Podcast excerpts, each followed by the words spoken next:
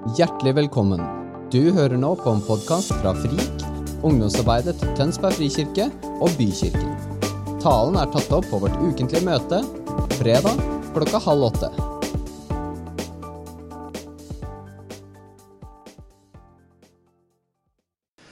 Så bra å se dere. Det var for meg en del nye fjes. Eh, som eh, både Maja og Birgitte sa, så har jeg vært så heldig å få lov til å være ungdomsleder i dette miljøet her fra 2004 til 2011-2012, eh, da Birgitte tok over. Eh, og jeg var ansatt i, eh, i kirka, Tønsberg frikirke, fram til 2014. Eh, så det var ca. ti år av mitt liv. Noe av det mest definerende tiden for meg om hvordan jeg har blitt den jeg har blitt, og noe av det som har betydd mest for meg. Så jeg har lyst til å si det. Eh, bare det jeg kommer inn her, så kjenner jeg det er utrolig godt å være her på Bykirken. Det er utrolig godt å være på Frik.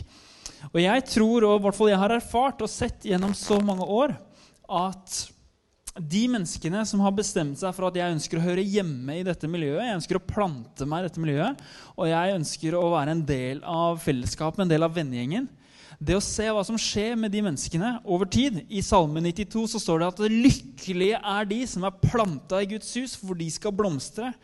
Jeg vet ikke om det er liksom om drømmen din her i livet er at du skal, skal blomstre. Det høres jo veldig, veldig interessant ut. Men, men du skjønner i overført betydning så betyr det at det, de som lykkelige er de som har bestemt seg for at de ønsker å være en del av Guds hus, en del av Guds kirke, en del av et venn, vennemiljø som ønsker å fokusere på Jesus og ha han som, som herre og frelser i livet.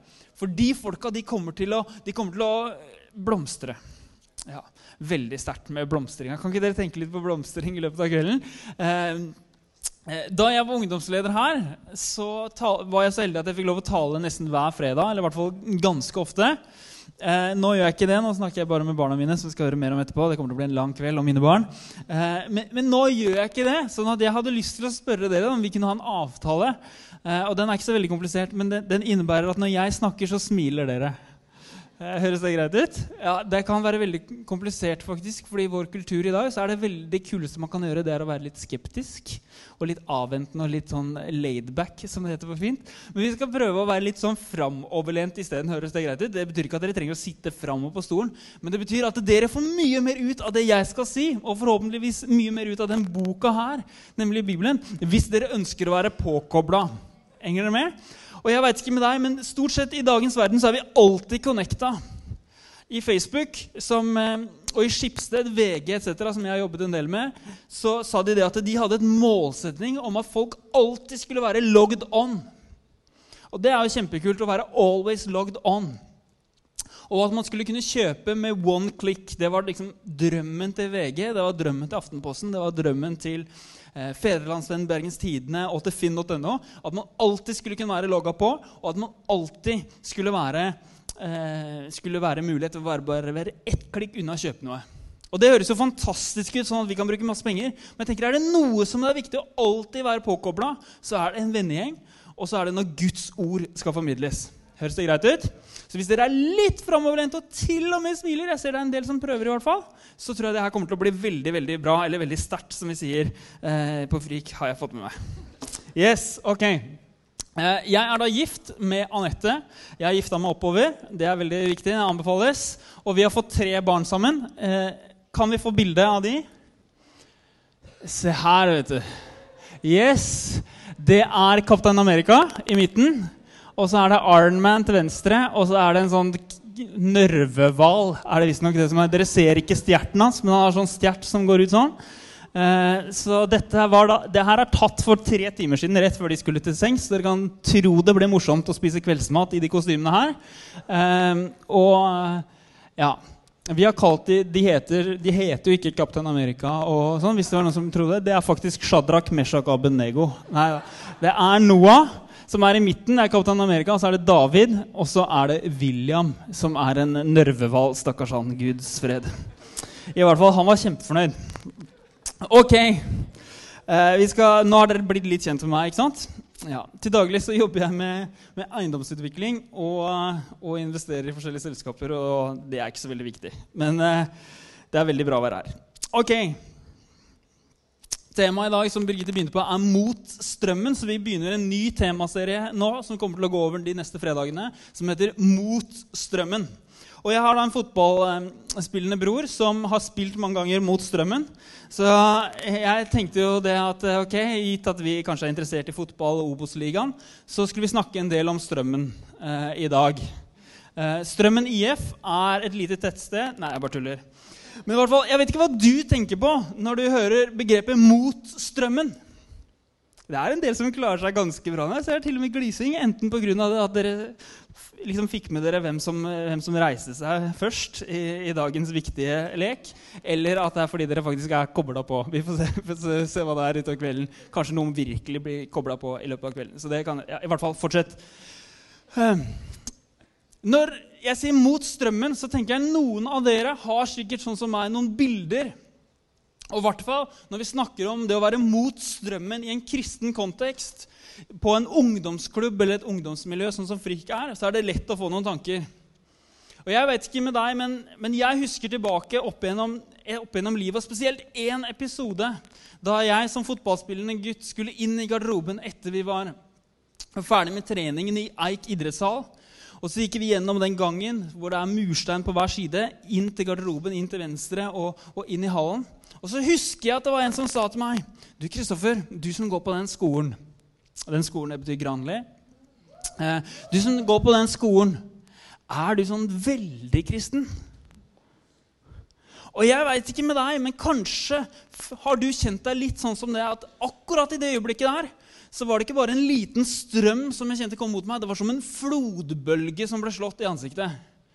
Plutselig så var det ikke sånn at jeg følte meg som en laks som bare enkelt og elegant gikk oppover, oppover vassdragene.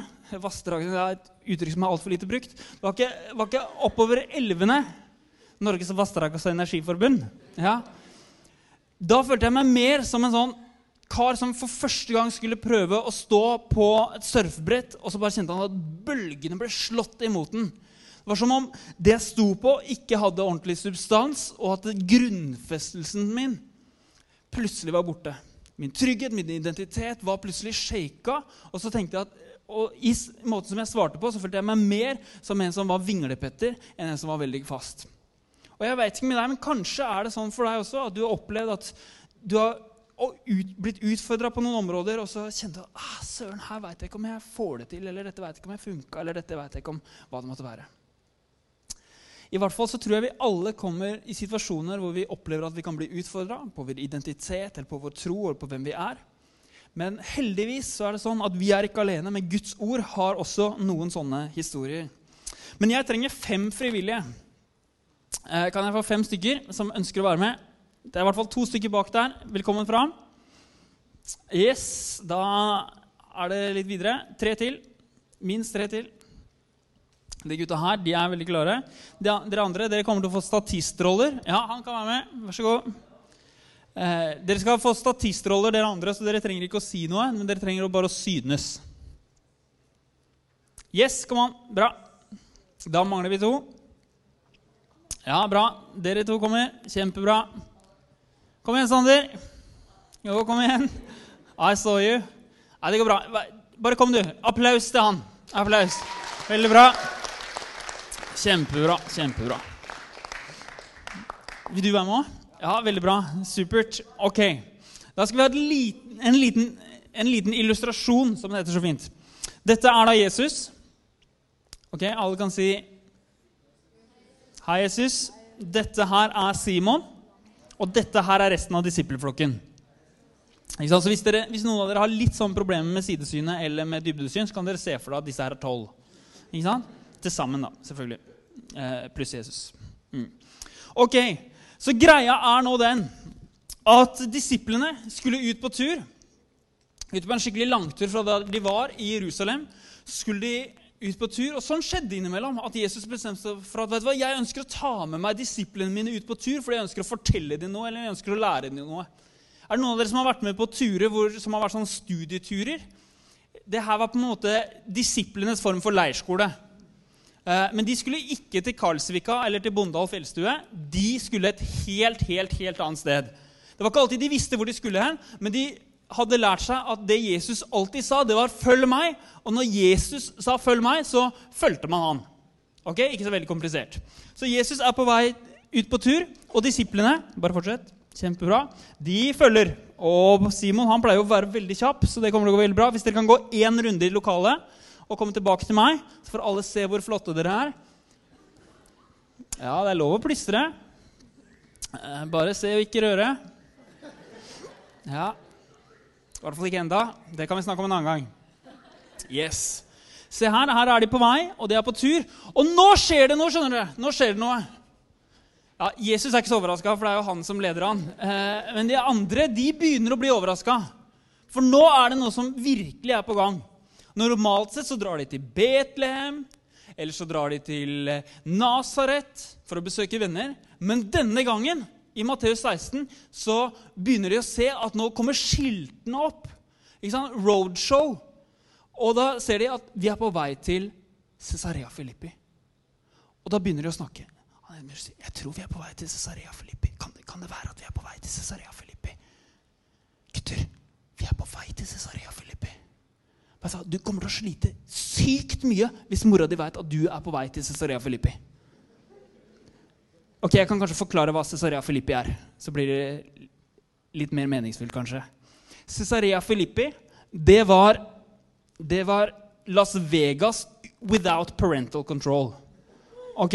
På den tiden så var det Las Vegas på eh, Hadde jeg ikke vært i kirken, så hadde jeg sagt steroider. Ikke sant? Det, det er bare Las Vegas magnified opp i eksponentiell ja, Det dere lærer i 9. klasse, eller hva det er. Ikke sant? Eksponentialfunksjon. Det er bare hinsides vilt. Der er det alt som er galt, og alt som jødiske, snille gutter ikke skulle få lov til å være med på, det var der. Ikke sant? Dere kan tenke dere the dark, dark, dark, dark, dark, dark web på den tiden. Ikke sant? Det er Cesarea Filippi. Og plutselig så begynte de å skjønne Å, steike! Vi skal med Jesus, sannsynligvis Guds sønn, til Cesarea Filippi. Altså, jeg vet ikke med deg, men På den tiden som jeg vokste opp, så var liksom kino på søndager. Det var ikke noe særlig. Dette her var kino mandag, tirsdag, onsdag, torsdag, fredag med de heftigste filmene man kunne se. Henger du med? Og gutta begynte å tenke hva kommer bestemor til å si? Så de fortsatte, og Jesus tok de med til de kom nærmere og nærmere og nærmere til Cesarea Filippi. Midt i Cesarea Filippi, som er omtrent her, så var det en fjellknaus. Og ikke bare en fjellknaus, men en stort, et stort fjell, omtrent som en fotballbane, hvor det var et tempel. Og i det tempelet så var det liksom det verste av det verste som kunne skje. Det skjedde der. Så der var det en gud som het Panguden, som hele liksom, fellesskapet i byen Cesarea Filippi det var fokusert rundt. På den tiden så var det en avgud som het Pan. Og Pangud det var en hyllest til alle mulige naturguder som var sammenfatta i dette tempelet. Og i det tempelet så var det, var det tempelprostitusjon, hvor man trodde at man, hvis man gjorde noe fæle greier med folk som fikk penger for det, så var det liksom en hyllest til dette. Så var det en hyllest til alt som var dekadent og, og ureint. Og I tillegg til det så var det stedet man ofra geiter og kasta de ned en stor sprekk. Og i tillegg, i det verste tilfellet, så ofra de også barn til denne panguden. Så dere kan tenke dere at dette var ikke et sted som man skulle på leirskole. Og hva er det så som gjør at Jesus Kristus altså De visste jo ikke etternavnet hans, men Jesus Kristus tok med seg disiplene sine til Cesarea Filippi. Og det er da dette her skjer. Jesus spør da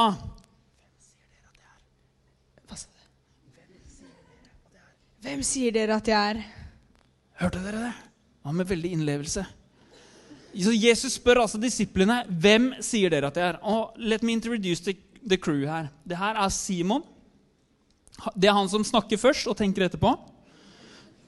Og så har du de andre disiplene, og de er som regel for seine til å ta inn han når han allerede har sagt noe. Henger dere med? Yes.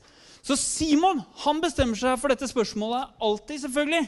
At jeg jeg er jo den som har svaret. Jeg vet ikke, Kanskje er det noen av dere som kjenner dere innimellom. Jeg må si jeg kjenner meg igjen litt i Peter. For noen ganger så tenker jeg Hvorfor begynte jeg å si det jeg holder på å si nå, og hvor ender jeg hen? Det er en følelse som er kjent for noen av hver av oss. Jeg ser det noen av dere som nikker, og en del av dere som ser bort på siden og tenker du burde nikka nå. Så Jesus har da sagt Hvem sier folk at menneskesønnen er?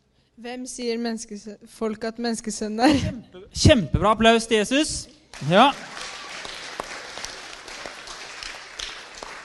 Da svarte disiplene Ok, da kan du si her. Noen sier du er Noen, eh, noen sier døperen Johannes, andre Elia og andre igjen Jeremia eller eh, en annen av profetene. Ok, Så Jesus hadde først stilt spørsmålet hvem sier folk at jeg er egentlig? Og så snur Jesus på spørsmålet når han sier Og hvem ser dere at jeg er?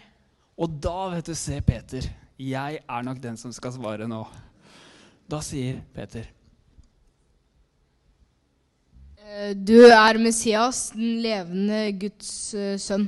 Da tok Jesus til orde og sa Salig er du, Simon, sønn av Jonan, for dette har ikke kjøtt og blod åpenbart deg, men min far i himmelen. Ok, Så hva er det som skjer her? Liksom I et lyst, opplyst øyeblikk liksom, At the peak of Peters career as a disciple så er det ikke bare det at han liksom Ok, jeg fikk til et slag, men han fikk til en home run. Ok, Så tenk dere hvor dette her er hen. Det er på det mest grufulle stedet i verden Jesus tar med seg disiplene sine for å introdusere dem og lære dem et eller annet som er viktig. Og så sier han, hvem, hvem sier folk at jeg er egentlig? Og Noen sier at du er døperen Johannes, noen sier at du er Elia eller en av de andre profetene. Og så kommer det viktigste spørsmålet. Det som definerer alt annet, og som plutselig blir det mest sentrale spørsmålet som blir stilt i Bibelen. Og da sier Jesus, og hvem sier dere at jeg er? Plutselig så sier Peter, du er Messias.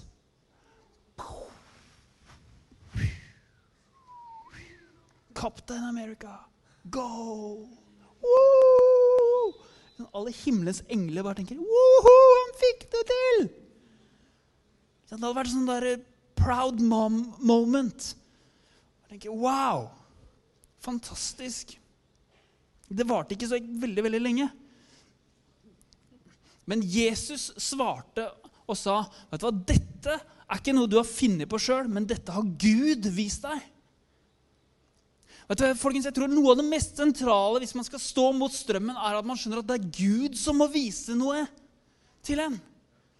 Hvis vi prøver å få til ting sjøl, så blir det utrolig komplisert. Men hvis det er Gud som åpenbarer noe Altså Hvis du er i situasjoner, utsetter deg for, for undervisning eller hører ting, hvor du får mulighet til å se eller høre, så begynner man å tenke annerledes. Og så sier han og jeg sier deg Og nå er det Jesus som snakker, og jeg står inn i rollen din. Går det greit? Ja. Og du er Peter. Før så het jo han Det er ikke det at Jesus ikke kan navnet på disiplene sine. Men det som skjedde, var at Simon det betyr 'Gud er hørt', eller 'en med oppstoppernese'. Ja. Det er noen av oss som er heldigere med navn enn andre. Mine Shadrach, Meshach Abenego de var ikke så heldige. Det er veldig kult i barnehagen, faktisk. For i barnehagen til Noah så er det en som heter Jihad. Det betyr hellig krig, tror jeg. Jeg syns også det er et kult navn. Så Jihad, Kasper og Noah de har det kjempekult. Det er alltid litt morsomt når vi spør om Jihad kan være med hjem. Unnskyld, kan ikke du ta med deg hellig krig? Eh, Det er kjempebra. Eh, Men i hvert fall, det var ikke tema. Peter igjen. Og så sier han, 'Du er Peter'. Og hvorfor er dette så viktig? Jo, fordi på, på hebraisk så betyr det at du er kefas. Og det høres jo nesten liksom ut som kesam, men det er ikke det det betyr. Du er kefas. Og Grunnen til at dette er viktig, er fordi kefas det betyr stein. Det betyr the rock. Det betyr en fjellknaus. Det er det som, som kefas betyr. Så når Jesus sier Simon Peter, så sier han egentlig at vet du hva, du er ikke bare den vaklevorne lenger, altså den som snakker først og tenker etterpå, men du er en klippe, Og på deg, altså på den klippen, ønsker jeg å bygge min kirke, sier han i de neste versene. Så Peter, som er den som ikke tenker, og som bare går videre Jeg syns vi skal gi disse her en kjempeapplaus. Jeg tror de har stått lenge nok. Ja, Veldig bra. Godt jobba. Nå kan du komme hjem i kveld og så kan du si til moren din at i kveld spilte jeg Jesus. Det er ikke verst. Da har du virkelig tatt opp eh, ditt kors på ungdomsmøtet. Henger dere med? Altså noe av det, Jesus tar altså disiplene med til et av de verste stedene i verden. og jeg har sagt det fire ganger bare for å få inn poenget. Og så sier han at du, Simon, vet du hva, du skal få et nytt navn, som er Klippen. Så Jesus tar altså disiplene med til den klippen som representerer det verste avgudsdyrkelsen på den tiden.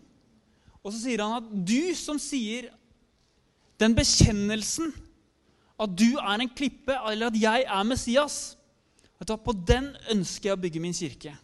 Og hva betyr dette? Jo, det betyr det, det jeg tror Jesus ønsker å si, er at vet du hva, omstendighetene her i verden Uansett hvilken strøm du facer, eller hva du møter, så er det ingenting som er større enn at jeg kan forsone de tingene med meg. Hva mener vi med det?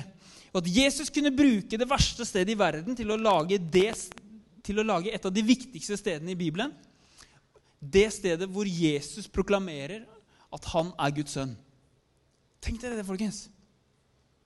At Jesus kunne bruke de tingene. Og at Jesus kan bruke den største stormen i ditt liv, eller kanskje usikkerheten som du har når du facer ting som er krevende. Ja, de tingene til og med kunne han bruke for å møte Peter og for å møte oss. Skal jeg gå videre? Neste sted som vi skal lese, er i Matteus, litt tidligere i Matteus. Og Jeg vet ikke om noen av dere har med Bibelen. Jeg hører det er noen av dere som det rasler. Jeg husker da, da jeg var i Frik, så hadde vi en ungdom som het Brynjar, som var med på, på et team. De reiste rundt på den tiden eh, til forskjellige kirker og menigheter. Og en av de kirkene som de kom til, var eh, misjonsmenigheten Ebenezer. Det er også litt sånn jihad-navn. Litt vanskelig å kommunisere. Eh, der var det sånn Gjennomsnittsalderen var ca. 75 år eh, med damer med sånn knute i nakken og, og nesten skal. Sjal, skal. Ja, Dere skjønner hva jeg mener? Eh, og Brynjar han, eh, det var på den tiden hvor, hvor seggebukser var veldig inn. Han hadde en sånn bukse som liksom, Nå tror i hvert fall jeg at de skal være veldig tighte, da, de buksene, men da på den tiden skulle det være størst mulig, og helst liksom, sånn, så vidt at, man, at de hang på. Um, ja, det er utrolig hva man gjør for beauty. Eh, eller beauty, ja, i hvert fall. Eh, men han var i hvert fall en sånn skater og hadde seggebukser, så han hadde på en måte kred i det. da. Eh, så han skulle undervise, da, og han sa at eh, det å ha med seg Bibel på møte det er veldig viktig. Og nå har jo alle mobiler, så du har på en måte Bibelen alltid tilgjengelig. så kan du si at hvorfor trenger jeg det? Men han mente det, og jeg mener også det, at det er noe, for, det er noe annerledes med papir. Det er liksom Det er noe annet. Skinn og papir. Det er, det er bedre enn skjerm og Facebook. Ja, alle er enige. Men så sa han i hvert fall det at det å dra på møte uten Bibel, det er som å dra på date uten dame. Og alle de damene da, eh, på sånn 75 år, de bare Halleluja! Halleluja! Så det ble et veldig sterkt møte med Brynjar på 20 år. Eh, så la det være en oppfordring til å ta med seg Bibel på møte. Men i hvert fall jeg vet ikke med deg, men Kanskje møter du noen strømmer som blir litt sånn store. Og der er det akkurat i Matteus kapittel 5, vers 11. Så sier Jesus, ja, lykkelige skal dere være for min skyld om dere opplever at noen håner eller forfølger dere. Om de lyver og snakker vondt om dere på ulikt vis, skal dere være lykkelige. Ja, gled dere og fry dere, for stor er lønnen som dere har i himmelen. Slik forfulgte de også profetene før dere. Og så er det akkurat som om Jesus skrur opp temperaturen. hvor han sier at ok, dere kan oppleve mange, mange ting som er kjipe, men dere skal vite at dere kan dere glede dere over, fordi lønnen som dere får i himmelen, den er fantastisk. Men så blir ikke Jesus passiv. Det er ikke sånn at han sier ok, fordi dere møter strømmen i IF, så må dere liksom legge dere bakpå og spille som Mourinho. Da er det likevel, nå er det på tide attack. Jeg heier på Manchester United og syns det er veldig skrekkblanda fryd eh, at eh, José Mourinho er trener. Det er sånn elsk-hat-forhold, på en måte. Altså ikke hat-hat, sånn som man ikke liker, men, men litt krevende allikevel. Ok, dere er jordens salt, sier han. Og det blir jo litt sånn som for oss. Vi er jo liksom vant med at salt det er noe som man ikke bør ha for mye av. Ikke sant? Hvor man leser i alle disse norske ukeblad og Se og Hør og alt mulig. Sånn, Annenhver uke så er det en sånn ny studie som viser hvor farlig salt er. Og så andre uka så er det salt er ikke farlig. Og så er det salt er kjempefarlig igjen. Så det er jo litt vanskelig. Men salt er jo i hvert fall det som gir krydder, altså det som en, er en smaksforsterker. Men i tillegg til det på denne tiden her, så var det ikke sånn at de hadde, at de hadde såkalt kjøleskap som de bare stakk inn i veggen. Nei, De brukte salt som en konserverende middel for at det skulle kunne vare veldig mye lenger. Så saltet, når, når han sier at dere, dere, er jordens salt, så er det ikke bare det at han sier at dere er litt sånn spice, men i tillegg til det så er det dere som, som er ment til å være de som bevarer sånn, de tingene som er virkelig er viktige. Og Så går han litt videre og så sier han, dere er ikke bare salt. Dere er ikke bare salt, men dere er også lys. Dere er verdens lys. Og en by som ligger på et fjell, kan ikke skjules. Nei, heller ikke setter man en oljelampe. Tenner man en oljelampe og setter den under et kar? Nei, man setter den på en holder så den lyser for alle i huset. Slik at deres lys kan skinne for menneskene. Og jeg vet ikke med dere, men Noen ganger så føler jeg meg som en sånn litt sånn kjip sånn 15-wattspære som ikke lyser sånn altfor sterkt. Men andre ganger så kjenner jeg at vet du hva, nå er det som om det bare lyser på innsiden fordi jeg har fått lov til å se noe, fordi jeg har blitt fylt av noe, fordi det er olje på lampa, fordi jeg er kobla til støpselet, fordi det er, liksom, saltet er i gang. Både som konserveringsmiddel, men ikke minst til å gi liksom God flavor på de menneskene, og i møte med de menneskene jeg møter. Og så skjer det, For et par-tre uker siden så møtte jeg en sånn fyr som idet jeg så inn i øynene hans, så var det som om han bare lyste. Han heter Louie og kommer for å tale for oss om ca. 30 dager.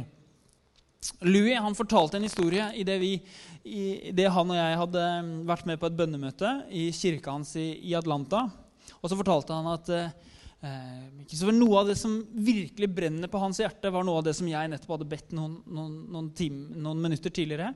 Når jeg opplevde at Gud hadde minnet på at du skal få innflytelse innenfor politikk innenfor profesjonelle atleter eller type sportsidrettsspillere og innenfor for musikk og artister. Og Så ba jeg det for det teamet som de hadde i Passion City Church. Og så så Louis på meg, og så var det bare som om han lyste i øynene hans. Og så tok han meg tilbake til en av de viktigste erfaringene som han hadde gjort i sitt liv. Da han hadde begynt å bli forberedt for president Barack Obama. Så Louis hadde blitt invitert inn til å bli en av de folkene som, som, Barack Obama ønsket å ha rundt seg, fordi han trengte noen som kunne være med å be for han mens han var president. Så Louis hadde bestemt seg for at uansett hva jeg gjør, så ønsker jeg å kunne være med å velsigne de menneskene jeg møter. og ønsker å se dem inn i øynene og si det at vet du hva, du er et barn elsket av Gud. Selv om folk kommer til å si negative ting om deg, selv om de kommer til å, å, å høre forferdelige ting, eller selv om de kommer til å ta avgjørelser som du ikke, verken, kanskje ikke du eller heller ikke jeg er veldig stolt av, så kommer jeg til å si at Gud elsker deg, Gud har en plan for deg, Gud har et håp for deg, og Gud ønsker å gi liv inn i den situasjonen som du står. Og idet han sa det, det han kommuniserte det, så jeg bare det lyste i øynene hans. Han er koblet på noe, han var koblet på en kilde som, som ikke var en, var en kilde som, som, kom fra Men fordi han skjønte at Guds kjærlighet var av en sånn karakter. At den søkte å oppmuntre, at den søkte å gi liv, at den søkte å, å gi mening, håp osv. Fordi Jesus Kristus er en, er en person som kan komme inn i enhver situasjon, selv om ting virker helt forferdelig, selv om det er avgudsdyrkelser, selv om det er avmakt, selv om det er New Age-festivaler. Ja, selv om det er spørsmål om liv og død i Det hvite hus. Så ønsker Jesus å kunne være i den situasjonen og si at veit du hva? Jeg er verdens lys. Og de som tror på meg, og som er kobla med meg, vet du hva? de er også verdens lys. Så om de møter noen bølger, om de møter noen stormer, om de møter noe som, noe som kommer imot dem, så vet du at på innsiden av dem så er, det, så kan, så er de kobla på en fred som er større enn den stormen som kommer imot dem. Så er de kobla på et lys som er sterkere enn det mørket som kommer imot dem. Som er kobla på en olje som kan lyses klarere og tydeligere. Fordi kilden er Jesus. Og så tror jeg det samme som skjer, at det ofte er lett for oss å tenke åh, ja, men hvordan er det mulig at vi skal få lov til å være sånne folk? Som virkelig kan være med å, å skinne Guds lys. Det høres utrolig svært ut. Men så sier en oversettelse som er skrevet på litt mer normal eh, engelsk enn mange liksom, Både Bibelen er skrevet, innimellom kan oppleves litt komplisert. Men på The Message-oversettelsen så står det dette i, om det vi akkurat leste i Matteus kapittel 16. Der står det Here's another way to put it. You are here to be light, bringing out the God colors in the world. God is not a secret to be kept. We are going public with this. As public as a city on a hill. Og så sier han, I will make you light bearers. I'm not going to put you under a bucket. I'm putting you on a light stand. Og så, og så sier han ok, ok, ja, Gud ønsker å putte oss på en lysestake. Det høres, høres interessant ut. Men hva betyr det egentlig? Altså, Hvordan kan det bli praktisk? Hvordan kan det bli noe du og jeg kan gjøre i livet? Så står det 'shine'.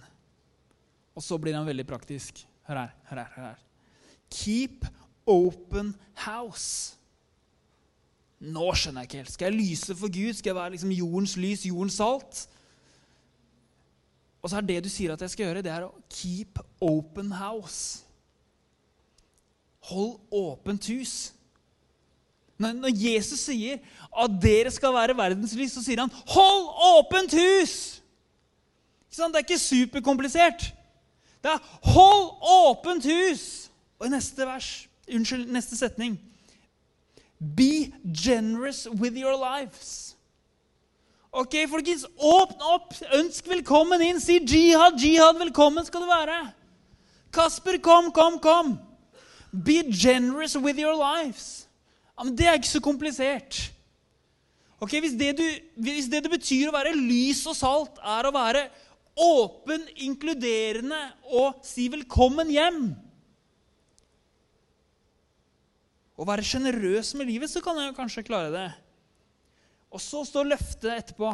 By opening up to others, you will prompt people to open up with God, the generous Father in heaven. Ok, Så ved at du er sjenerøs, ved, ved, at du kommer med oppmuntrende ord der hvor ikke oppmuntring er forventet, der hvor du er inkluderende og sier 'Hei, har du lyst til å være med?' Det er alltid plass til en til. Har du hørt det før? Det er alltid plass til en til. Det er fullt. Ja, men det er alltid plass til en til. Ja, men vi skulle bare ha en koselig kveld for oss som er her. Ja, men det er alltid plass til en til. Ja, men Men det er alltid plass til Du kan si så mye jammen du vil. Det er alltid plass til en til. Be generous with your lives. Keep open house. For på den måten så poker du folk. Jeg vet ikke om dere husker det, men I 2007, da Facebook kom, så var det en funksjon som het Do you want to poke? Ja, De av dere som liksom var, var født i 2007 Nei, jeg bare tuller. Ja, that was a very bad joke. I know. But I'm not as cool as you. Da kunne du spørre ok, do you want to poke that guy or girl. Det var ganske kjipt. Men på den måten så kommer du til å være med å prompt people. altså kommer du til å være med å rettlede folk til å bli åpne for Gud. Hvis du rett og slett er sjenerøs og inkluderende. Og så ønsker jeg å fortelle en liten historie til slutt. Jeg veit ikke med deg, og det har jeg sagt noen ganger. Men for mitt liv så opplever jeg at noen ganger så er det sånn at livet mitt har tatt en litt annen vending enn det jeg hadde tenkt. Og noe av det viktigste for meg, og lovsangstimen kan komme opp, i løpet av de tingene der, det er rett og slett å innimellom ta mulighet for å kunne stoppe opp og spørre Gud Gud, hvor, hva er det du ønsker at jeg skal, skal gjøre nå? Og jeg tror, i hvert fall Når jeg har bedt for den kvelden, her, så har jeg opplevd at jeg tror det er noen her som, som kanskje har behov for å kunne ta en sånn liten, liten stopp. Et av mine favorittbilder på det er en GPS. og I dag så husk, husker kanskje ikke vi GPS-er, men GPS-er var sånne Husker dere GPS-er? Ja. Global Positioning Systems. På den tiden, i 2007, da alt var moderne, og iPhone kom og I will change the world again, da hadde vi fortsatt sånne sånn som det her, som vi hadde noe som het, sånn, som het Oddrun, som satt inni. Eh, og så kunne vi trykke, og så leste hun kartene. Det var veldig greit. Så da trykket vi inn hvor vi skulle hen. Og så fortalte hun at uh, 'please turn left', eller 'vennligst ta til høyre'. Og så ledet hun oss. det var I tillegg så fikk vi se sånne kart. Nå er det bare en sånn stripe som er rød hvis det er for mye trafikk. På den tiden var det ingenting som var rødt.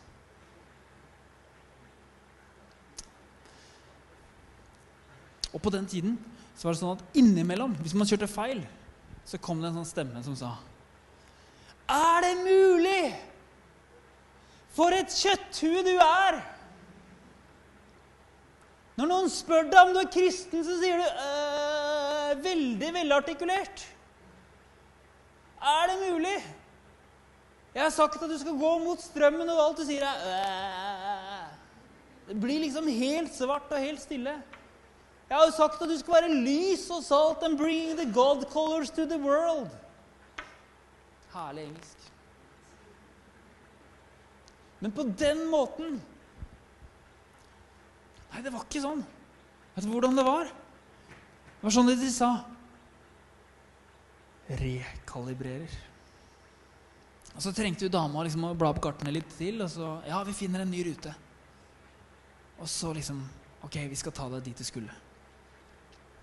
Og jeg veit med livet mitt at jeg har trengt mange sånne rekalibrerer-øyeblikk. Hvis dere skjønner hva jeg mener. At ja, jeg vet hva denne boken her sier.